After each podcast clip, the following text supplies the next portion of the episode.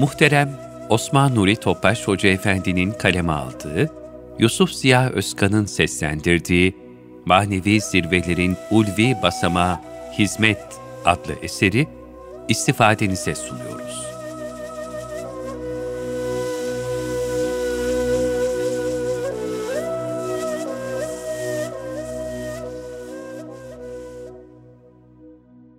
Manevi zirvelerin ulvi basamağı, hizmet, istişare ile hareket etmek. Hizmette istişare ile hareket etmek, ilahi bir emir ve mühim bir sünnettir. Cenab-ı Hak şöyle buyurur, yapacağın işlerde onlarla, müminlerle istişare et. Ali İmran 159 Onların işleri kendi aralarında istişare iledir. Eşşura 38 Resulullah sallallahu aleyhi ve sellem Efendimiz, mühim gördüğü hemen hemen bütün işlerinde ashab-ı kiramla istişare ederdi. Ebu Hureyre radıyallahu anh, Resulullah sallallahu aleyhi ve sellem'den daha fazla ashabı ile istişare eden bir kimse görmedim der. O sallallahu aleyhi ve sellem her mevzu ve hadisede vahiy ile teyit edildiği halde ümmete misal olsun diye istişareyi tercih ederdi. Nitekim Bedir ve Hendek gazvelerinde düşmanla nerede ve nasıl mücadele edileceğini istişare ile tayin etmiştir. Hatta Uhud gazvesi hakkında kendi arzusu savunma harbi olmasına rağmen, istişarenin neticesi düşmanı Medine dışında karşılama şeklinde tezahür ettiği için bu görüşe uymuş ve onunla amel etmiştir. Hazreti Ömer radıyallahu an toplumu ilgilendiren meselelerde karar vereceği zaman Müslümanlarla istişare ederdi. Genç yaşlı bütün alimler, kurralar onun danışma meclisinde bulunurlardı. Hatta o zor bir meseleyle karşılaştığında çocuklarla ve gençlerle istişare eder, onların akıllarının keskinliğinden istifade etmek isterdi. İnsan daima hissiyatının tesiri altındadır. Onunla düşünür ve karar verir. Bu bakımdan hizmet ehlinin istişareyle hareket etmesi, hizmetlerin doğru, isabetli ve bereketli olmasını temin eder. Lakin istişare edilecek şahısların akıllı, bilgili ve takva sahibi olmalarının yanı sıra geçim ehli ve ekip çalışmasına kabiliyetli olmaları da mühim bir esastır. Umumiyetle birçok aklın bir tek akıldan daha doğru karar vereceği aşikardır. Peygamber Efendimiz sallallahu aleyhi ve sellem şöyle buyurur. İstihare yapan hüsrana uğramaz. İstişare eden pişman olmaz. İktisatlı olan fakir düşmez. İdarecileriniz hayırlı olanlarınızdan salar. Zenginleriniz sehavet ehli, cömert kimselerse, işlerinizi aranızda istişare ile hallediyorsanız, bu durumda yerin üstü altından, yani hayat ölümden daha hayırlıdır. İstişare aynı zamanda istişarede bulunulan kimselere bir değer verildiğini de gösterir ki, bu onların hizmete daha büyük bir şevk ve azimle omuz vermelerine vesile olur. Diğer taraftan istişare, hizmet ehlinin benlik duygusunu da asgariye indirerek, kişiyi yaptığı hizmetle böbürlenme afetinden korur. İstişareye tenezzül edilmemesi ise, kendini etrafındaki kardeşlerinden üstün görme manasına gelen kibir ve ucup hastalıklarının bir alametidir. İstişarenin neticesi mutlaka tatbik edilmelidir. Samimiyetsiz ve adet yerini bulsun diye baş sallayarak yapılan istişareler, fayda yerine zarar getirir. İstişare, o işe ehil kimselerle yapılmalı. Ayrıca herkes çekinmeden fikrini açıkça söylemelidir ki, hakikat ve rahmet tahakkuk etsin. Ancak istişare edilecek şahıs, danışılacak mevzuda ehil bir kimse olmazsa, bu durumda netice isabetsiz ve yanlışlarla dolu olur. Dolayısıyla tıbbi bir meselenin bir hukukçuya danışılarak halledilmeye çalışılmasındaki garabet cinsinden vebali mucip hatalara meydan verilmemelidir. Kendisine danışılan şahsın sadece istişare olunan meseledeki dirayeti de yetmez. O aynı zamanda takva ehli, ahlaklı ve her türlü garazkarlıktan beri olmalıdır. Aksi halde muhatabı yanıltma ihtimali vardır ki, bu takdirde istişareden umulan hayrın zıddı tahakkuk eder. Ayrıca istişarede en hayırlı neticeye varabilmek için saplantı halindeki peşin hüküm ve düşüncelerden sakınarak muhatapları sıhhatli bir muhakeme ile dinlemek de zaruridir.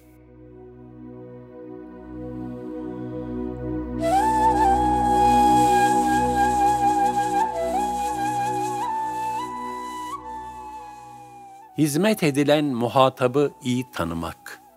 Mahlukat arasında en mükerrem bir şekilde yaratılan insana saygı ve tazimle yaklaşmak icap eder.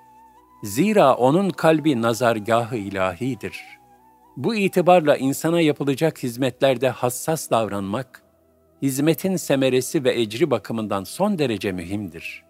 Hizmeti kaba ve kırıcı bir üslupla ifa etmek, sahibine ecir kazandırmayacağı gibi, aksine onun günaha girmesine bile sebep olabilir.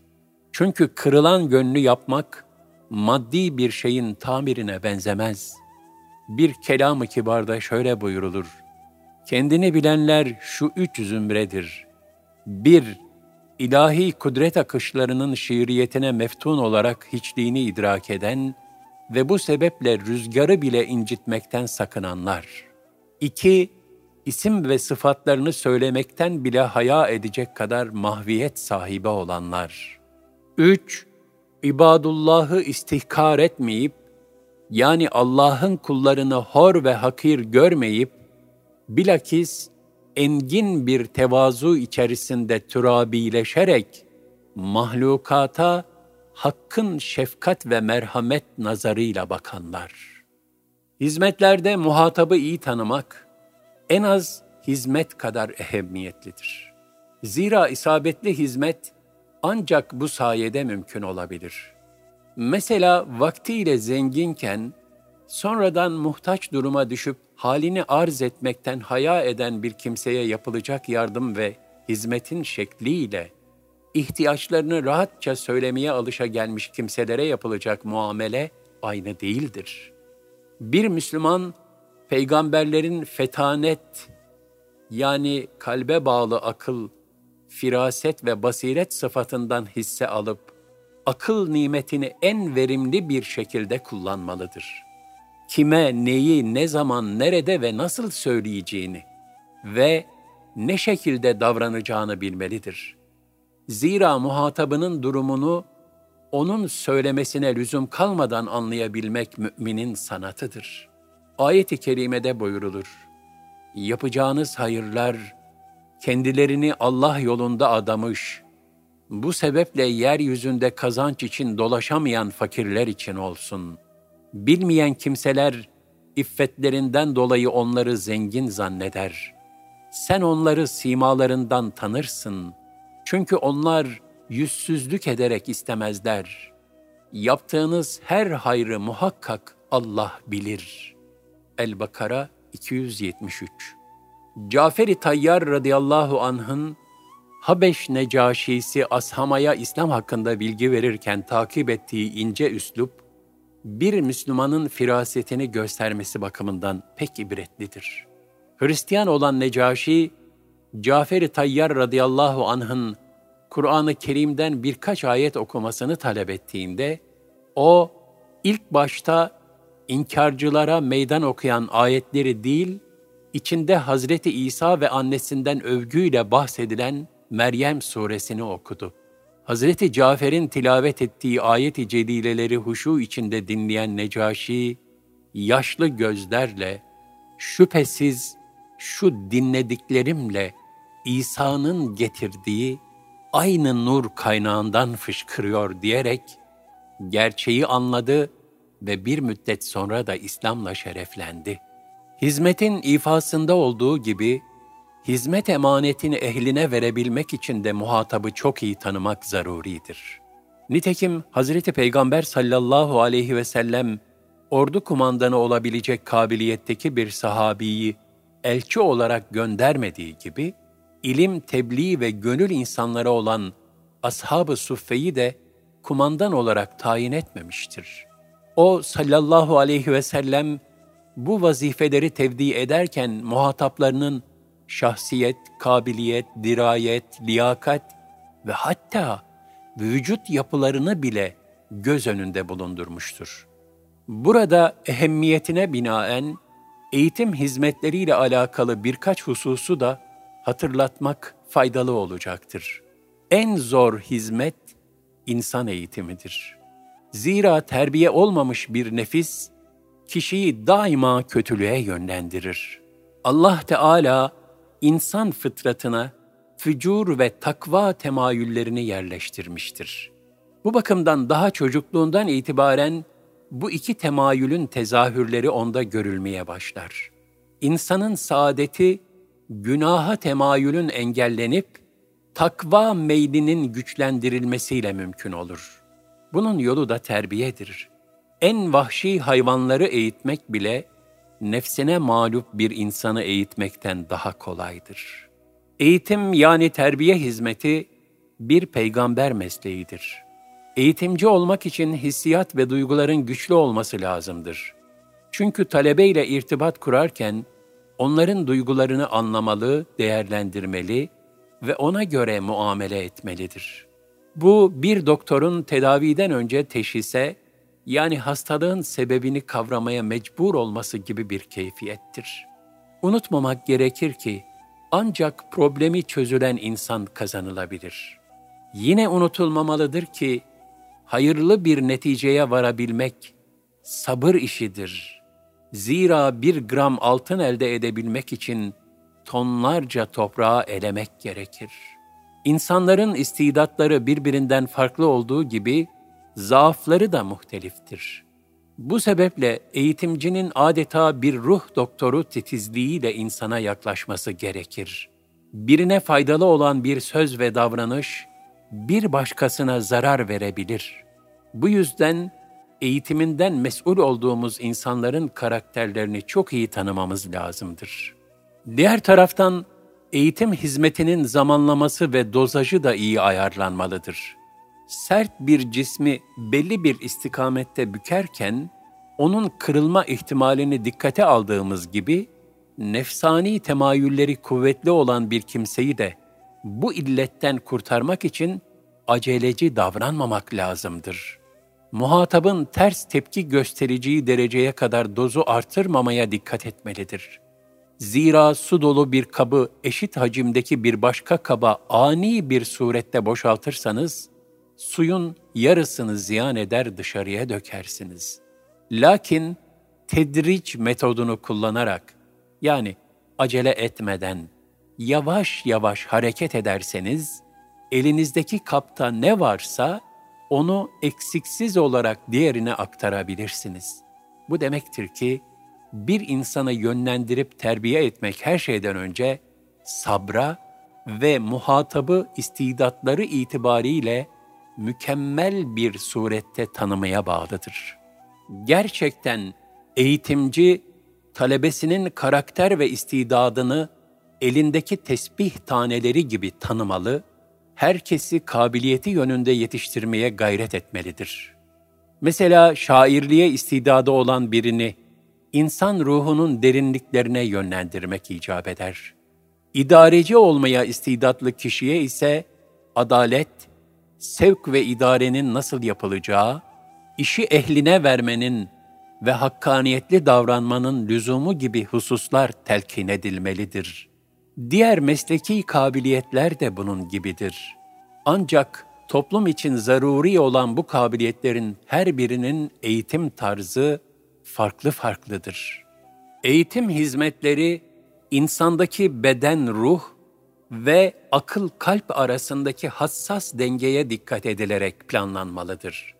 Şayet insanın sadece aklına hitap edilirse, menfaat, makam, dünyevi heva ve hevesler ağır basar ve ruhi tekamül ihmal edilmiş olur. Böyle yetiştirilen insan, neticede servet, şöhret ve şehvetin kulu haline gelir. Fakat aklıyla birlikte onun kalbi de eğitilebilirse, fıtratında mevcut olan temayüllerin hakka ve hayra yönlendirilmesi ancak o zaman mümkün olabilir. Şuna da dikkat edilmelidir ki, kalbe erişmeyen bilgi irfana dönüşmez. İrfandan mahrum bir bilgi ise sahibini yanlış yollara sürükleyebilir. Manevi duygular ve faziletlerle tecihiz edilemeyen insan, sürekli kötülüğü emreden nefsinin sultasına terk edilmiş olur.''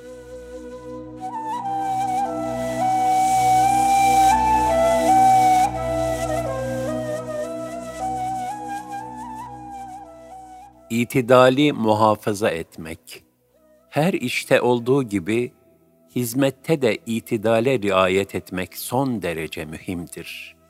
Kişinin hizmet adına çoluk çocuğunu, anne babasını ve rızkını kazandığı işini bir kenara bırakıp ihmal etmesi nasıl doğru değilse, bunları bahane ederek hizmetten geri durması da aynı şekilde mahzurludur.''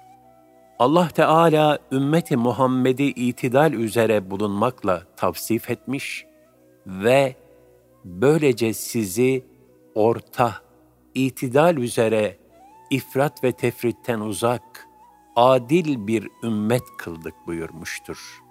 El-Bakara 143 Fahri kainat sallallahu aleyhi ve sellem Efendimiz de işlerin hayırlısı ifrat ve tefrite düşmeden itidal üzere olandır buyurmak suretiyle, ümmetine her hususta nasıl davranmaları gerektiğini gösteren bir ölçü sunmuştur. Dünyevi ve uhrevi her işte dengeyi muhafaza etmek, dinimizin koyduğu mühim bir ölçüdür. Buna riayet edildiği takdirde gerek ferdi ve gerekse içtimai huzur, sükun, ahenk ve intizamın gerçekleşeceği muhakkaktır.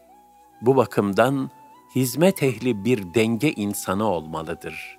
Mesela bir vaiz efendi ezanla birlikte vaazını bitirmelidir. Bütün cemaatin hissiyatını dikkate alarak onların ibadet huzurunu ihlal etmemelidir.'' Zira vakti dar olan kimselerin bilhassa memur kardeşlerinin durumlarını göz önünde bulundurmalıdır. Bu itibarla hizmet insanı engin görüşlü ve firasetli olmalı, gönlü ve aklı basiret nuruyla aydınlanmalıdır. Muhabbetinde ve buğzunda, iltifatında ve tenkidinde, methinde ve zemminde ölçüyü kaçırmamalı.'' orta bir yol üzere bulunmalıdır. Lavbaliliğe varmayan bir samimiyet ve kibre düşmeyen bir vakar sahibi olmalı.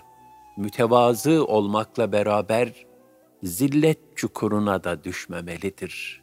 İdari hizmetlerde bulunanlar da idareleri altındakilere karşı müşfik, adil ve insaflı olmalı. Onlara kaldıramayacakları bir vazife yüklemeyip herkesi gücü nispetinde değerlendirmelidir. Ayrıca adaleti gözetmenin herkese eşit davranmak değil, hakkı neyse onu vermek olduğunu bilmelidir. Adaleti zedeleyecek her türlü davranıştan da kaçınmalıdırlar. İdari hizmetlerde itidale riayet daha büyük bir ehemmiyet arz eder.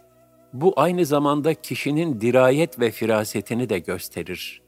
sahabe-i kiramdan siyaset alanında dirayetli olan ve Mısır'da valilik vazifesi icra eden Amr bin As radıyallahu anha, bu başarısının neye bağlı olduğu sorulduğunda şu cevabı vermiştir. Etrafımdaki her bir insanla aramda bir ip varmış gibi düşünürüm. Bu ip gerilip kopma noktasına yaklaşınca onu biraz gevşetirim. Gereğinden fazla gevşediğini hissettiğim anda ise onu hemen gererim.''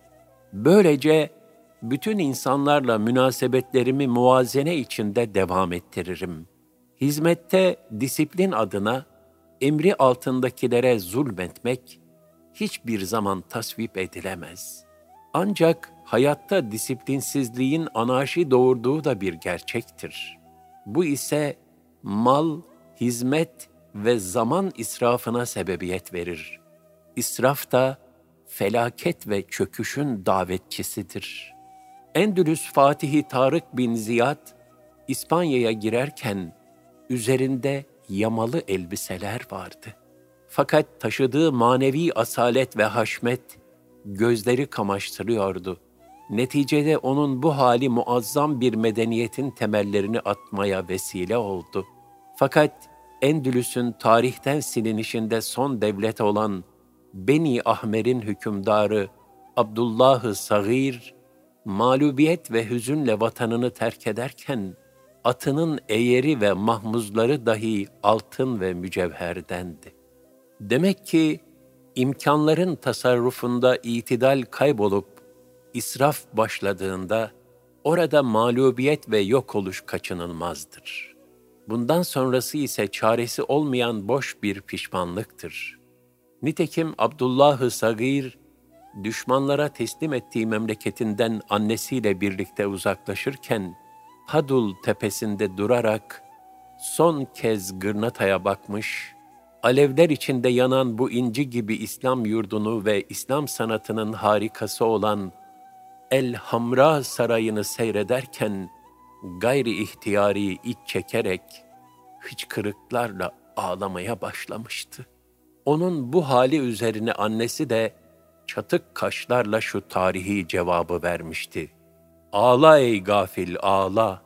Erkekler gibi muhafaza edemediğin şu mübarek yurdun için şimdi kadınlar gibi ağla.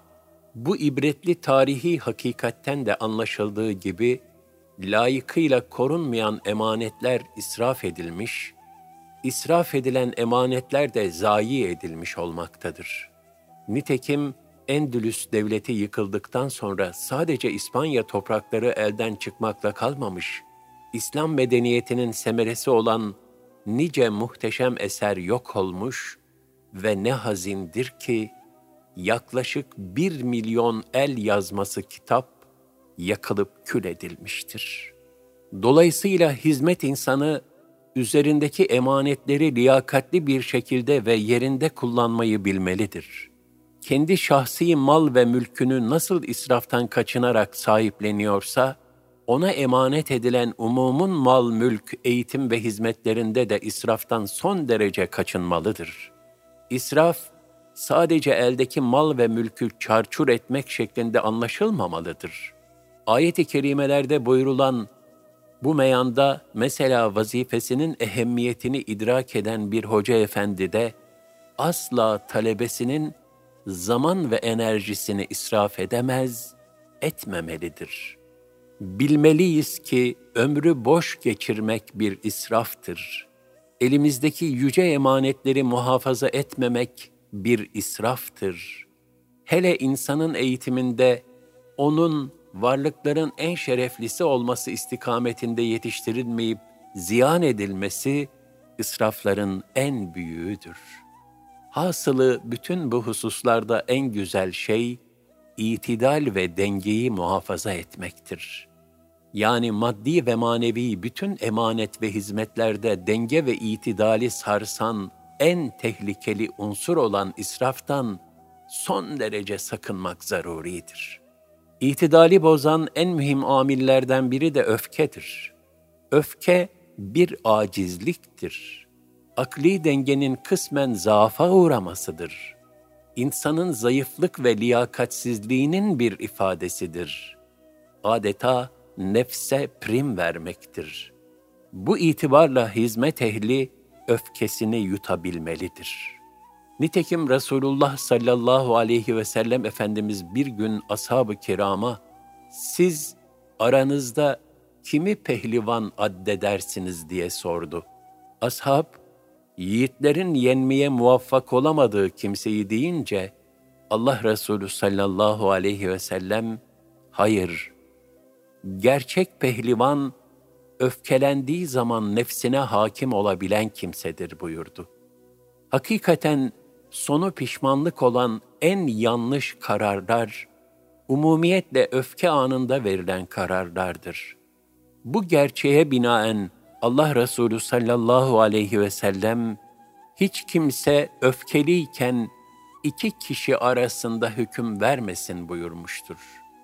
Hatta kendisinden nasihat talep eden bir sahabisine de üç defa peş peşe, La tagdab, La tagdab, La tadgab, gazaplanma, gazaplanma, gazaplanma tavsiyesinde bulunmuşlardır.''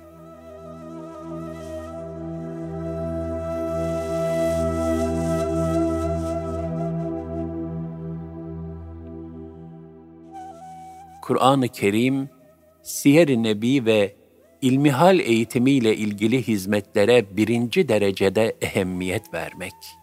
İnsanoğluna yapılabilecek hizmetlerin en kıymetlisi, onun ebedi saadet ve selametini temin edecek olan hizmetlerdir. Bunların en yücesi olan ilahi kelimetullah, müminlere emanet edilmiş azametli bir dava ve kutsi bir vazifedir. İlahi kelimetullah, Allah adının ve kelime-i tevhidde hülasa edilen İslam dininin yaşanarak tebliğ edilmesi ve yüceltilmesidir. Zira hidayete muhtaç bir insanı ilahi hakikatlerle tanıştırıp onun imanla şereflenmesine vesile olmak, Allah Resulü sallallahu aleyhi ve sellem Efendimizin nazarında en kıymetli dünya metalarına sahip olmaktan ve hatta üzerine güneşin doğup battığı her şeyden daha hayırlıydı. Kur'an-ı Kerim'de bu hususla ilgili olarak şöyle buyurulmaktadır. Kim onu yani bir insanı ihya ederse, bütün insanları ihya etmiş gibi olur. El-Maide 32 İnsanlığa hidayet rehberi olan Kur'an-ı Kerim ve sünnet-i seniyye, Allah ve Resulünün bizlere en büyük emanetleridir. Sahabe-i kiram ve mübarek ecdadımız, bu emanetleri 1400 seneden beri ne şekilde idrak edip bize kadar ulaştırmışlarsa, biz de gelecek nesillere öylece ulaştırmak mecburiyetindeyiz. Bu emanetleri kendimizden başlayarak, Allah'ın kullarına taşıyabilmek, Allah rızası için yapılabilecek en mühim hizmettir. Bu hizmetler bizim ahiret sermayemiz ve inşallah cennet vizemiz olacaktır. Resulullah sallallahu aleyhi ve sellem Efendimiz şöyle buyurmuştur. Sizin en hayırlınız Kur'an-ı Kerim'i öğrenen ve öğretendir. Hakikaten Peygamber Efendimiz sallallahu aleyhi ve sellem ve onun manevi terbiyesi altında yetişen sahabe-i kiram, Kur'an'a endeksli bir hayat tarzı kazanmışlardı. Bütün gayretleri Kur'an'ı öğrenmek, hayatlarına tatbik etmek ve onun ebedi saadet davetini bütün insanlığa ulaştırabilmekti. Onların bu yöndeki hizmet ve gayretlerini yansıtan birkaç misal şöyledir. Sahabe-i kiramdan Ebu Talha radıyallahu an bir gün Peygamber Efendimiz sallallahu aleyhi ve sellemin yanına vardığında onun ayakta durmuş, ashab-ı suffeye Kur'an öğretmekte olduğunu gördü. Allah Resulü sallallahu aleyhi ve sellem açlıktan iki büklüm olan belini doğrultmak için karnına taş bağlamıştı. Resul-i Ekrem sallallahu aleyhi ve sellem Efendimiz ve ashabının en mühim meşguliyeti Allah'ın kitabını anlamak ve öğrenmek, en büyük arzu ve iştiyakları da Kur'an'ı tekrar tekrar okumak ve dinlemekti. Allah Resulü sallallahu aleyhi ve sellem kendisine gelen heyetlerin Kur'an ve sünneti öğrenmeleri hususuyla çok yakından ilgilenirdi. Geri dönerlerken onlardan burada öğrendikleri şeyleri memleketlerinde öğretmelerini isterdi.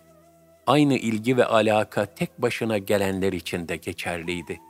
Nitekim Umeyr bin Vehb, Medine'ye gelip gördüğü bu mucize karşısında Müslüman olduğunda, Resulullah sallallahu aleyhi ve sellem ashabına, kardeşinize dinini iyice anlatınız, kendisine Kur'an okuyup öğretiniz buyurmuştu. Ebu Said el-Hudri radıyallahu an şöyle der.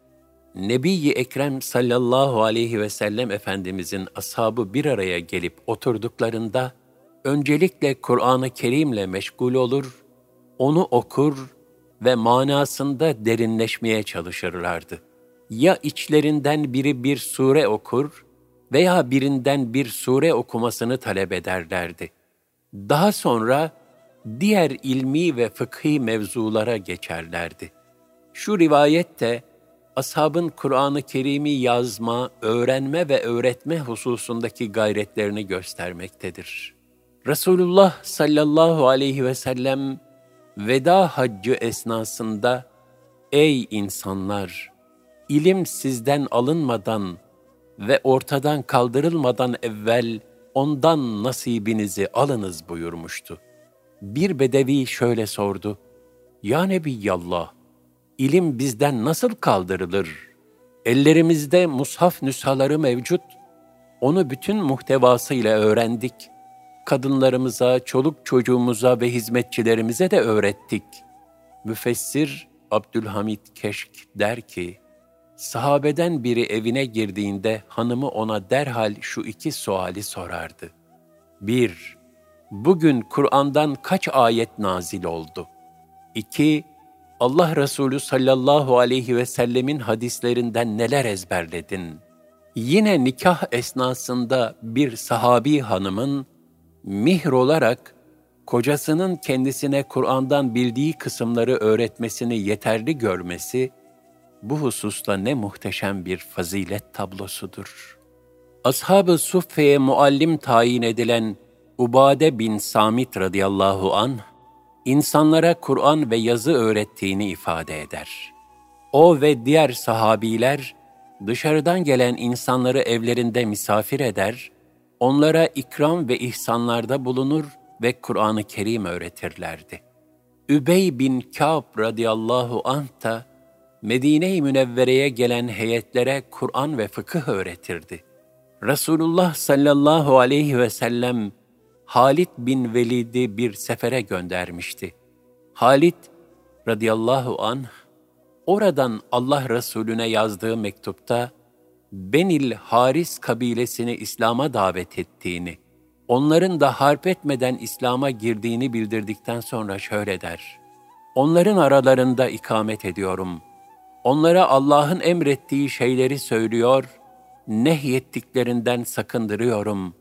Allah Resulü'nün mektubu gelinceye kadar onlara İslam'ın esaslarını ve Peygamber sallallahu aleyhi ve sellem Efendimizin sünnet-i seniyyesini öğreteceğim. Gece gündüz devamlı mescitte kalan ashab-ı suffe bir taraftan ilim öğrenir, bir taraftan da talebe ve hoca yetiştirirlerdi. Resulullah sallallahu aleyhi ve sellem Efendimiz ve halifeleri Kur'an-ı Kerim'i uzak bölgelerde de öğretebilmek için ellerinden gelen her şeyi yapmışlardır. Bu meyanda pek çok alim sahabiyi İslam dünyasının muhtelif merkezlerine hoca olarak göndermişlerdir. Onlar insanlara Kur'an'ı ve sünneti öğretiyorlardı.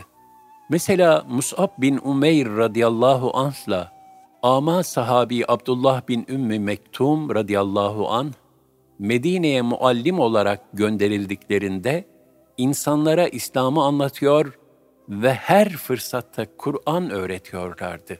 Şam'a gönderilen Ebu Derda radıyallahu an orada çok uzun süre yaşadı ve çok meşhur bir ilim halkası kurdu.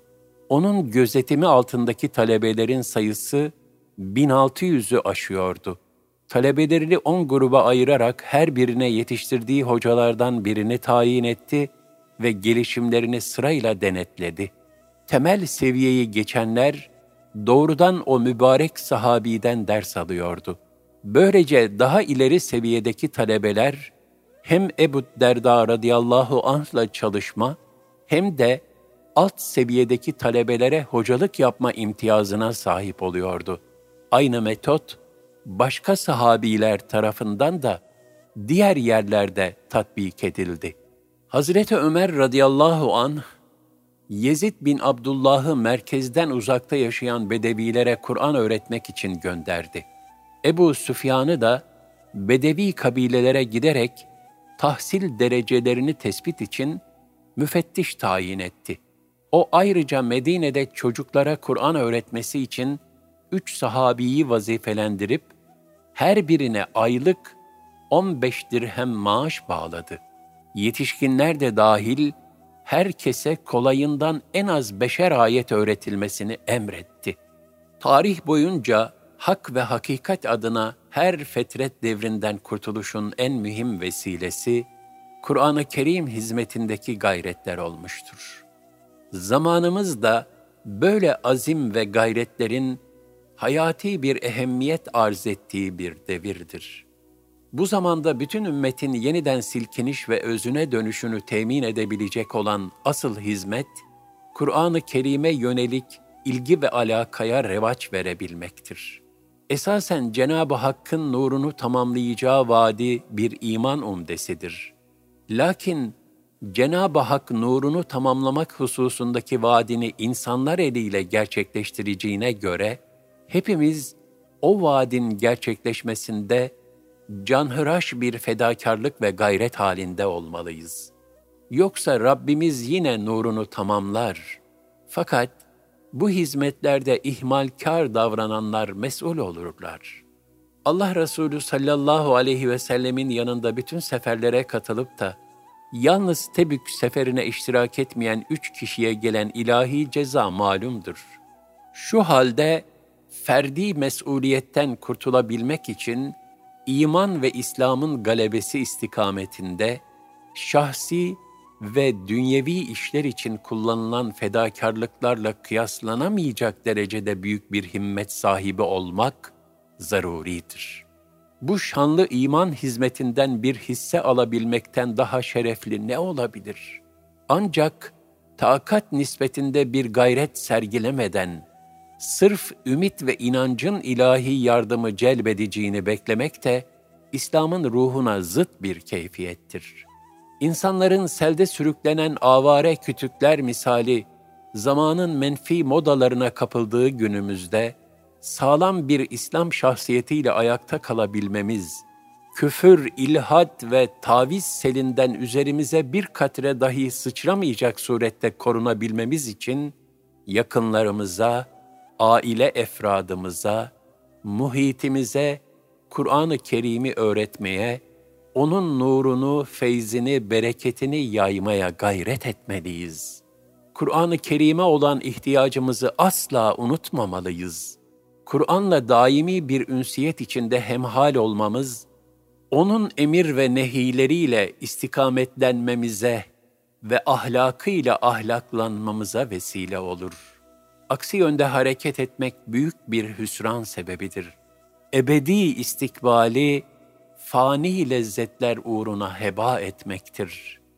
Kainatın en mükerrem varlığı olan insanların nesillerini manevi duygulardan ve Kur'an nurundan bilgane yetiştirmeleri ne hazindir. Anne babaların evlatlarına gösterecekleri şefkat ve merhamet, onları lüzumundan fazla maddi gıdalarla ifrata varacak şekilde beslemek değil, daha ziyade manevi gıdalarla onları ruhen de istikbale hazırlamaktır.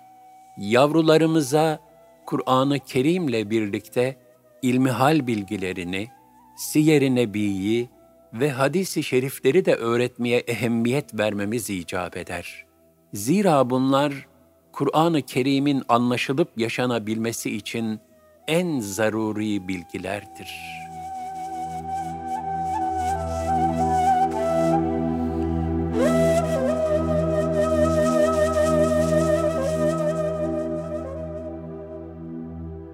Erkam Radyo'da muhterem Osman Nuri Topbaş Hoca Efendi'nin kaleme aldığı, Yusuf Ziya Özkan'ın seslendirdiği Manevi Zirvelerin Ulvi Basama Hizmet adlı eseri dinlediniz.